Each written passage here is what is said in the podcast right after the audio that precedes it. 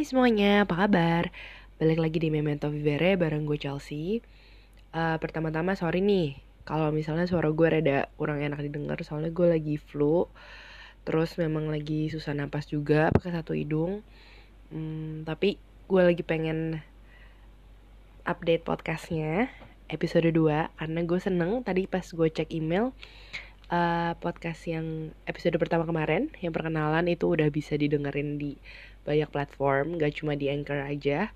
Jadi wah tambah semangat nih buat bikin episode 2 nya nah uh, hari ini gue lagi pengen bahas soal mind and body. The total connection of mind and body sebenarnya.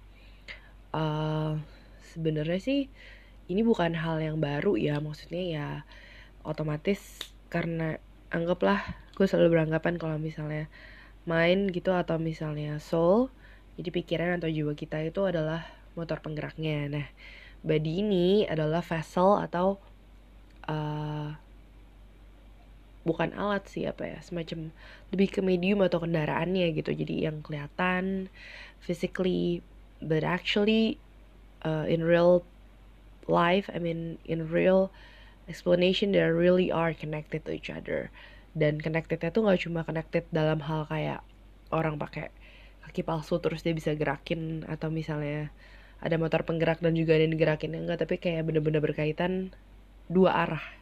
Jadi gue percaya kalau misalnya nggak cuma pikiran yang bisa mengendalikan tubuh tapi keadaan tubuh juga bisa berpengaruh banyak sama gimana pikiran kita bekerja gitu.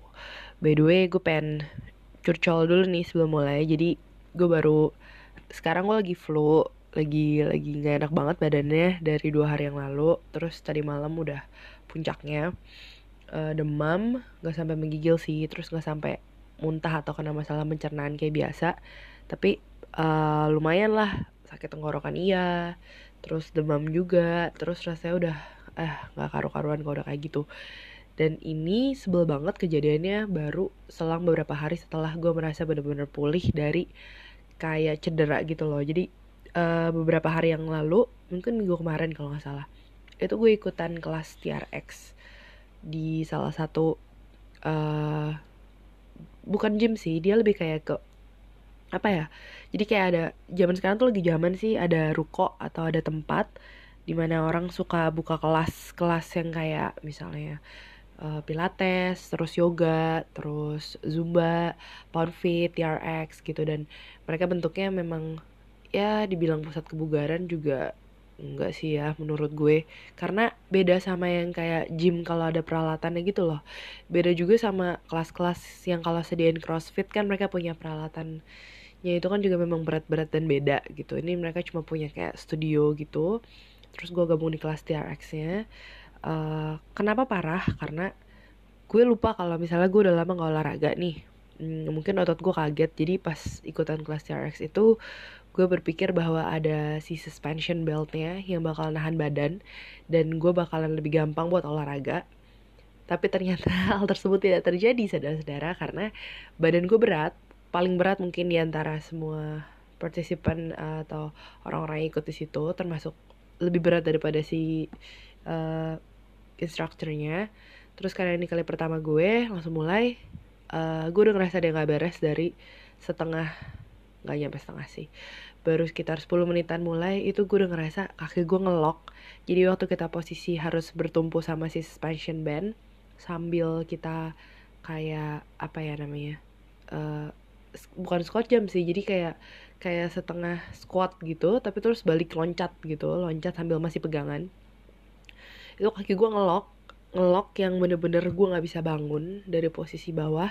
Dan saat gue lagi di atas gue nggak bisa turun lagi gitu. Dan udah mulai kram terus gue kayak eh ada yang salah nih. Oh ya ini mungkin terlalu berat. Terus gue kayak stop dulu. Gue kasih tanda sama instrukturnya. Terus gue kayak pemanasan sendiri. Tapi mungkin itu udah terlalu terlambat. Jadi memang pas awal nggak ada pemanasannya. Dan gue lupa. Gue main langsung ikutin aja. Dan mereka juga nggak pakai pemanasan gue muntah dua kali dalam kelas itu. Gue cuma ikut setengah materi kelas sisanya gue ngejogrok di samping. Dan waktu kayak si instrukturnya minta gue buat ayo gabung gabung gabung ikutan lagi gitu. Lanjut lanjut. Gue mencoba tadi untuk ikutan terus gue muntah lagi. Sampai akhirnya gue bilang nggak bisa gue bener-bener gak kuat. Gue udah mau black out karena dari samping mata gue udah mulai hitam. Uh, kayak udah mau pelan-pelan hitam gitu gue takut pingsan kan.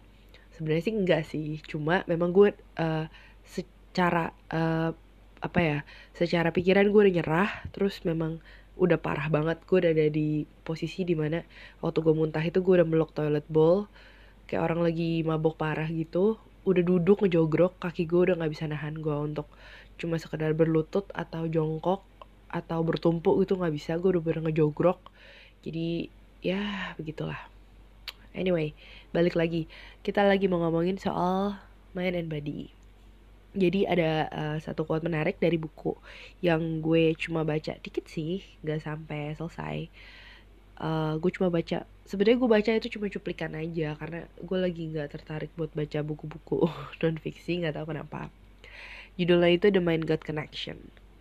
Jadi dia bahas soal uh, mematahkan teori soal orang-orang yang bilang kalau misalnya ada hal-hal tertentu yang kadang-kadang tuh sebenarnya terjadi cuma it's all in your mind gitu loh. Pikiran lo yang mendrive lo untuk melakukan itu atau lo nggak cukup kuat aja untuk jadi pribadi yang bisa mengendalikan pikiran lo sendiri sampai-sampai lo nyalahin misalnya mental health gitu. Terus lo bilang kalau ah uh, itu nonsens lah kalau misalnya pikiran dan badan itu benar-benar uh, bersinergi seperti itu. Karena ya badan-badan sebagai sesuatu yang kelihatan bisa digerakkan dan juga bisa terluka pikiran ya pikiran gitu loh. Lo nggak bisa jadiin mereka satu. Nah si penulisnya ini bilang kalau misalnya itu nggak benar. Contoh simpelnya kalau kita nih lagi mau uh, rapat atau misalnya tampil depan panggung atau ngadepin suatu hal yang uh, exciting banget yang bikin kita deg-degan parah ada istilahnya butterflies in your stomach ada kupu-kupu dalam perut kita. Nah itu nggak cuma ada karena uh, memang ada gitu. Maksudnya kalau kita pikir logika well kupu-kupu uh, butterflies in your stomach itu kan sensasi di bagian badan lo. Tapi kenapa? Bukan karena lo lagi tersengat sesuatu bukan karena lo lagi kena alergi sesuatu tapi karena memang lo lagi excited dan juga lagi uh, nervous gitu untuk menghadapi sesuatu ya kan? Terus misalnya Perhaps your stomach rumbling when we stressed out. Saat kita lagi stres, uh, ada ada momen-momennya di mana perut kita kayak bergejolak gitu, padahal kita nggak lapar, tapi kita kayak, aduh, kenapa nih, kenapa nih gitu dan udah rahasia umum banget lah untuk tahu kalau misalnya orang-orang yang mah, yang punya mah itu juga nggak cuma terpengaruh dari makanan, tapi juga dari stres. Salah satunya contoh nyatanya adalah adik gue. Jadi kalau misalnya dia lagi stres, mahnya itu bisa kambuh, padahal dia habis makan. Uh, berarti nggak valid dong penjelasannya kalau misalnya badan ya badan gitu. Pikiran ya pikiran buktinya dia mahnya kambuh uh, saat dia memang stres, saat dibawa tekanan dikejar saat itu juga, tapi dia habis makan gitu kan. Terus ada lagi juga dia point out uh, things like sometimes we make our decision because we felt it right in quotation gitu. Ya kita bikin suatu keputusan uh, beli nggak nih makanan? Memang kadang karena kita bisa sempet punya waktu untuk tanya ulang kepikiran kita gue lapar nggak ya? Gue butuh makan gak ya? Gitu. Tapi kadang ya kita beli aja gitu tanpa harus tubuh kita yang bilang sendiri kalau eh beli ayo uh, gue haus. Eh beli ayo gue lapar. Uh, eh lakuin ini deh ini bagus nih buat badan lo gitu. Jadi kalau misalnya gue assign sesuatu uh, misalnya gue assign into one session of workout gitu bukan karena badan gue memang memang sangat uh, merasa dirinya flabby dan juga butuh olahraga tapi memang karena pikiran gue lagi berkolaborasi sama badan gue untuk I think you need more workout in your life gitu kira-kira. Anyway terus uh, gue juga abis selesain docu docu series di Netflix. Judulnya itu Afflicted. Uh, lumayan menarik sih. Jadi Afflicted ini tentang orang-orang yang punya penyakit istilahnya chronic disease gitu. Uh, banyak. Uh, sorry ada 6 atau 7 karakter kalau gue nggak salah ya yang diangkat gitu. Dan masing-masing dari mereka punya penyakit yang memang berbeda dari penyakit yang biasa kita lihat pada umumnya.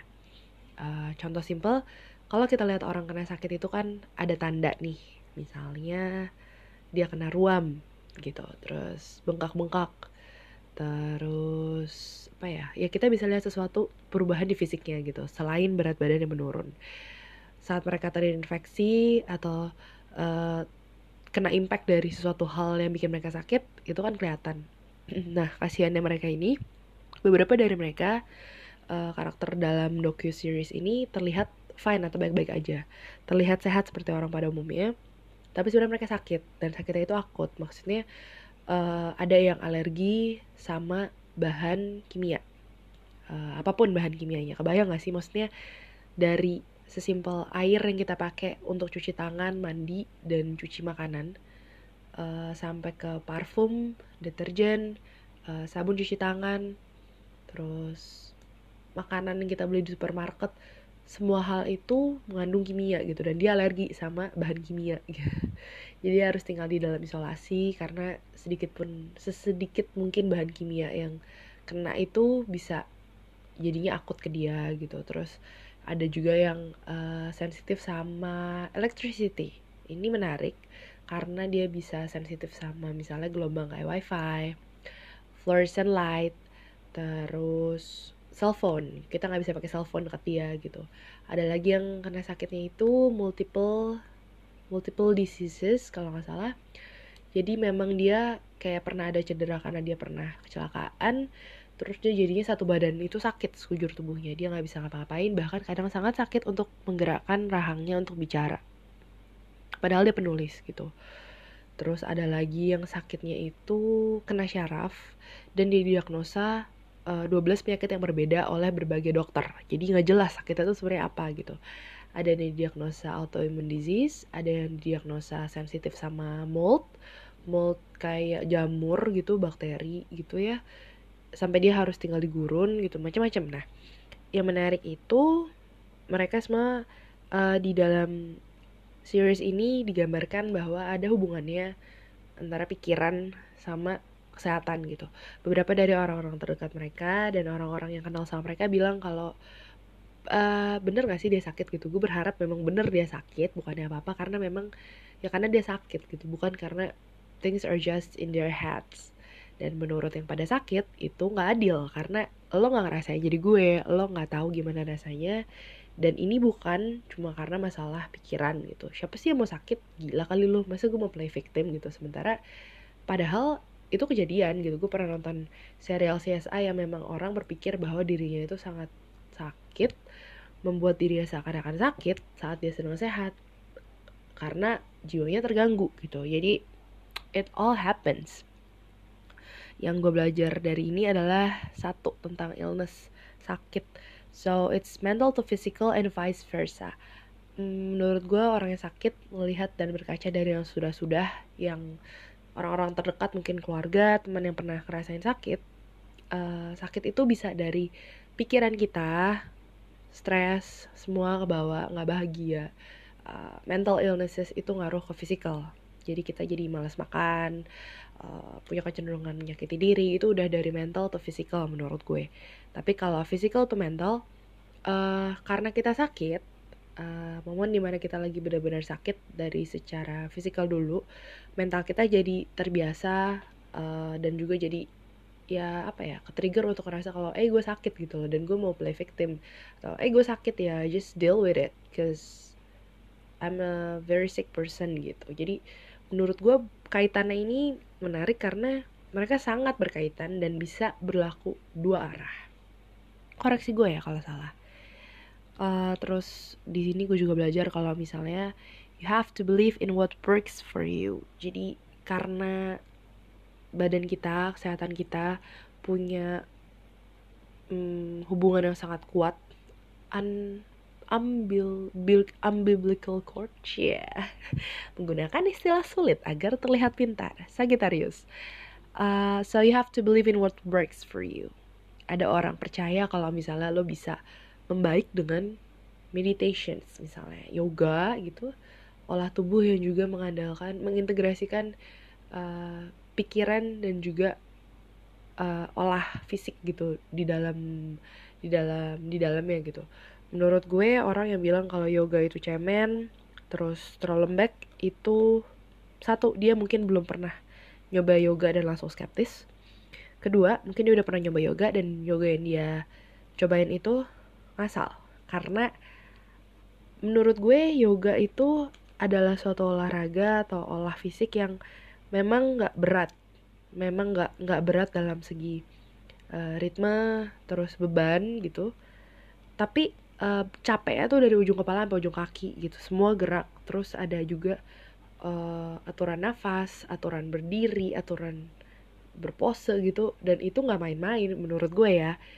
Uh, tapi capeknya beda sama olahraga yang memang mementingkan kardio atau uh, ritme yang dep dep dep dep cepet gitu.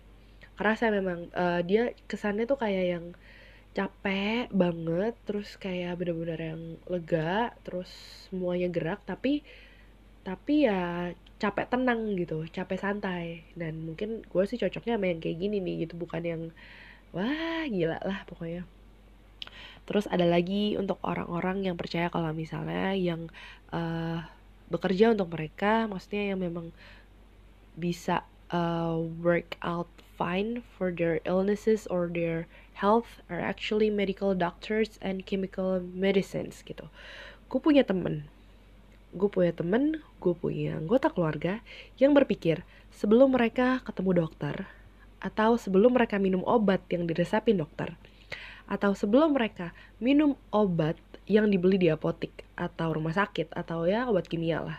Mereka belum akan sembuh gitu. Dan orang-orang ini tipikal yang kalau misalnya mereka uh, ber apa ya get contacted with certain uh, symptoms they actually they're literally are looking for the medicines.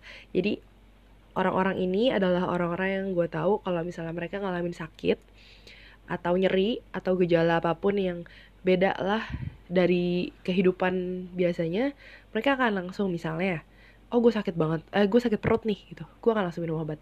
Gue sakit kepala gue bakal langsung minum obat.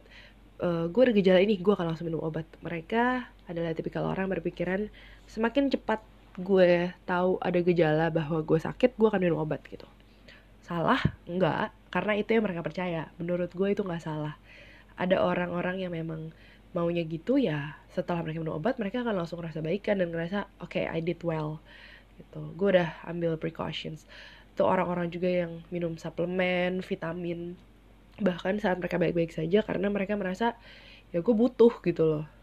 Uh, tapi kebalikannya ada orang yang gue kenal yang gak percaya sama uh, dokter terus obat-obat kimia gitu dia believe in uh, in natural remedies terapi mungkin yang lebih ada di tengah terapi itu. Gue ngeliatnya lebih kayak kok uh, diterima sama dokter tapi untuk orang-orang yang juga mau coba alternatif pengobatan atau uh, pilihan tuh lebih kayak apa ya? Ya bisa diterima lah daripada mengkonsumsi kimia gitu ya kalau gue ngeliatnya. Lebih masuk akal kadang terus ada juga orang-orang yang mau bener-bener uh, natural bener-bener pakai kayak jamu-jamuan obat herbal mau yang al alami gitu. Hmm, gak ada yang salah tapi again it will work only if you believe in it. That I believe gitu. Jadi nyokap gue ini lagi keranjingan banget sama yang namanya essential oils. Uh, adalah merek yang living oil yang ada macam-macam. Kalau misalnya kalian juga pakai kalian tahu. Dan uh, gue adalah orang yang paling skeptis rasanya di rumah ini soal itu. Kenapa? Karena gue bingung gitu maksudnya kok bisa uh, ini fungsinya. Jadi uh, buat contoh gitu ya peppermint itu ada minyak peppermint bener-bener emang ekstrak peppermint. Fungsinya adalah untuk bla bla bla bla gitu. Cara penggunaan tergantung lo mau pakai di diffuser buat diminum langsung tetesin bawah lidah di bawah telapak kaki atau diolesin di, di badan gitu beda-beda. Terus ada lemon grapefruit thieves ada frankincense ada banyak sih stress away gitu. Nah gue gue skeptis karena gue ngerasa masa sih gitu? Ini ini cuma minyak loh gitu. Bayangin lah kita dari kecil kenal minyak tawon terus minyak kayu putih eucalyptus ya. Nah eucalyptus juga ada nih sarinya di yang living oil ya udah kita kenal minyak itu sebagai uh, minyak untuk gosok terus kalau mau dikerok gitu kan biasanya. Tapi untuk uh, minyak yang persatuan gini dan juga ada fungsi masing-masing yang katanya bagus banget masa sih gitu kok kok bisa gitu ya gue mikir. Masih nggak percaya sampai akhirnya gue ngalamin sendiri waktu itu nih gue dalam keadaan gak percaya terus gue diare. Nah diarenya gue biasanya itu parah kalau gue lagi kena diare gue nggak cuma diare gue kena nyeri yang uh, lumayan konstan gitu. Jadi tiap berapa lama dia bakal cekit nah cekit. Nah nyerinya tuh nggak enak. Nyeri antara lo lagi diare sama lo lagi sakit di ulu hati mah gitu. Gue pakailah minyak yang dia bilang namanya Dijais itu memang untuk pencernaan. Gue nggak percaya gue udah masih dalam keadaan gak percaya. Gue masih diare moncor terus. Terus gue pakai akhirnya selesai gue ke belakang gitu gue pakai di itu tuh dekat pakainya tuh dekat pusar gitu loh. Uh, dibikinin gue lupa clockwise atau anti clockwise gitu. Terus gue diemin baunya nggak enak itu pasti. Tapi uh, setelah itu kan gue kan masih ini dong masih ngerasain apa sih uh, sakit perutnya kan kayak konstipasi apa bukan konstipasi sih mungkin kayak uh, ya mules-mules yang gak enaknya itu itu hilang bener-bener terus gue kayak ah masa sih gue masih nggak percaya nih ah masa sih ya kan terus bener nextnya gue udah nggak ngoncor lagi gak diare lagi gue pakein lagi dan mulesnya bener-bener hilang walaupun baunya nggak enak nah di situlah gue mulai pikir kayak hmm, maybe it's actually real. Just have to believe in it. Dan memang benar sejak saat itu ya gue kasih ruang untuk untuk tahu emang beneran bagus gak sih si si essential oil ini gitu. Dan gimana bisa orang-orang bule yang notabene pada skeptis sama hal-hal yang sulit dipahami ini kok bisa suka sama si yang living oil gitu. Ternyata ya karena dia herbal dan memang bikin enakan sih. Kayak ini gue ngerasa enakan ini semalam gue habis di layer juga sama nyokap gue gitu. Dan ya itu gue percaya kalau oke okay, mungkin gue harus percaya nih. I have to believe in it gitu. Uh, moving forward untuk bukti sehari-hari simple juga. Kenapa? Pikiran dan juga badan itu sangat sangat uh, ada hubungan dan korelasinya dan juga saling menopang. Karena misalnya pagi-pagi banyak banget dari kita yang cari musik untuk naikin mood gitu. Kenapa harus naikin mood? Mood ya mood gitu kan mood ya ya nggak kelihatan pikiran gak juga sih. Karena kalau misalnya iya lo naikin mood ada penelitiannya kalau misalnya mood lo bagus hati lo senang pikiran lo relax otomatis si hormon serotonin yang ada di dalam bagian fisik nih tubuh berarti walaupun sebutannya hormon dan tetap nggak kelihatan tuh naik levelnya. Dan kita semua tahu kalau hormon serotonin naik uh, endorfin naik ya jadi seneng dan jadi baik gitu keadaan tubuhnya ya percaya nggak percaya sih gue juga pernah dengar kalau misalnya ada orang-orang yang kalau misalnya sakit uh, kadar pH badannya itu kan juga kacau ya gitu. Itu juga ternyata kadang berpengaruh sama orang yang punya pikiran negatif terus atau menghadapi mental illness gitu. pH-nya juga bisa berubah dari situ. Oh, berarti apa tuh? Berarti berarti ngaruh kan? Kita memang memang harus harus mengakui ada hubungannya gitu antara itu dua terus positive attitude resulting in positive feedback. Kita menabur apa yang kita tuai kita memberikan dan memperlihatkan aura positif dari diri kita ya kita bakal dapat positif feedback gitu loh. Hmm, ya mungkin kalau yang ini sih nggak bisa memberikan gambaran konkret, konkret gitu ya apa hubungannya sama badan tapi tapi ya positif itu kan sebenarnya nggak berarti nggak berarti harus harus cuma cuap-cuap hmm, verbal atau misalnya cuap-cuap yang nggak kelihatan positif attitude itu bisa juga dengan makan sehat misalnya kita mau berubah jadi oke okay, kita jadi orang yang lebih baik terus kita jadi makan sehat otomatis tubuh kita jadi tambah sehat. Positive attitude kayak oke okay, gue mulai dari hal simple gue bakal makan uh, satu buah satu hari gitu satu buah seger satu hari ya bagus juga kan positif attitude kayak gitu oke gue bakal kurangi minum-minum. Nah otomatis baik juga buat badan gitu. Jadi pasti mereka akan saling berkesinambungan sih menurut gue. Terus yang penting juga itu adalah lingkungan sekitar environment.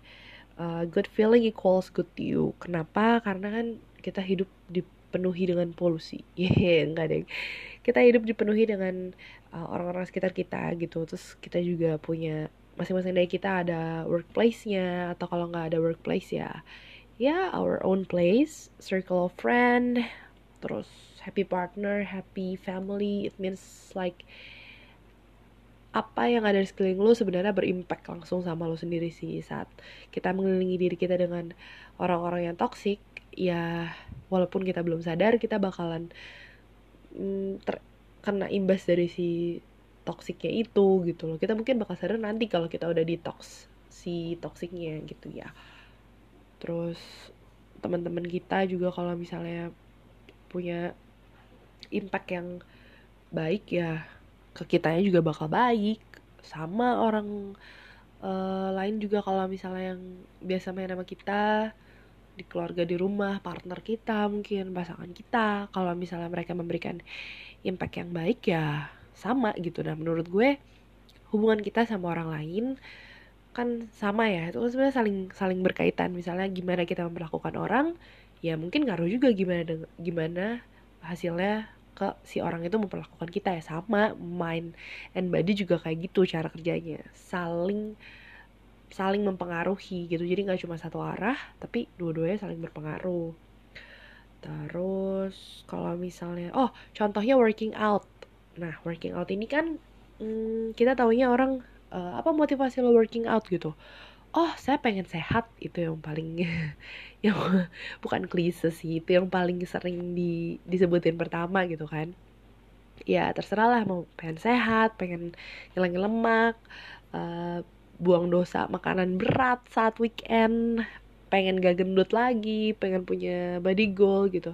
Intinya saat olahraga orang-orang yang suka olahraga juga bakal tahu kalau misalnya selesai olahraga tuh nggak cuma keringet doang yang didapet saya olahraga uh, coba uh, kasih tahu gue kalau gue salah ya. Biasanya orang yang suka selesai olahraga itu bakalan selain keringetan nih dan baju kotor tentu saja.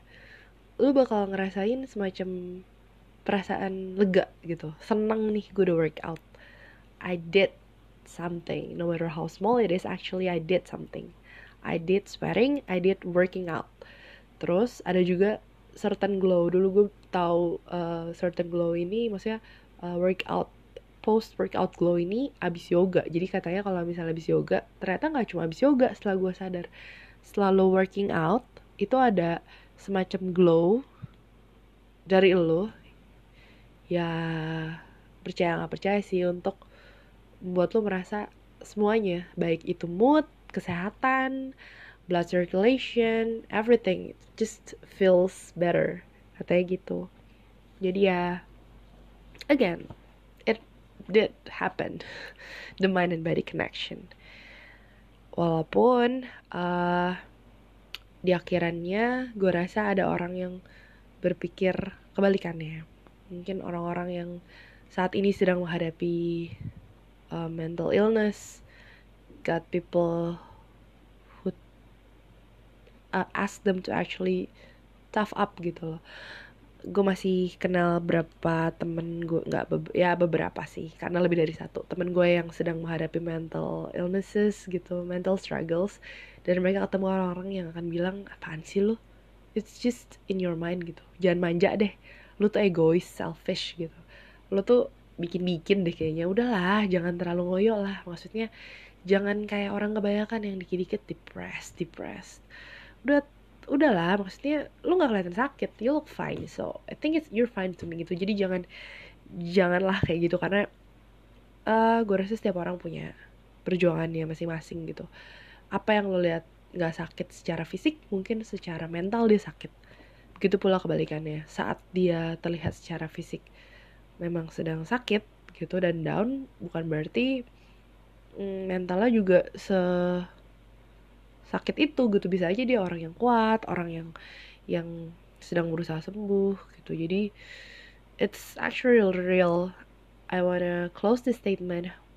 I mean sorry I wanna close this episode with actually saying that uh, it's all real. Both physical illnesses and mental illnesses it's real. Deal with it. Jadi mind and body it's it's all in two. Sama seperti dua orang yang menikah gue rasa mind and body bisa dikatakan layak untuk mendapat predikat bahwa mereka bukan lagi dua melainkan satu. So that's all. Udah jam sekarang kalau di gue udah jam 9.12 berhubung gue lagi pemulihan dan besok akan kembali masuk kerja udah waktunya untuk tidur.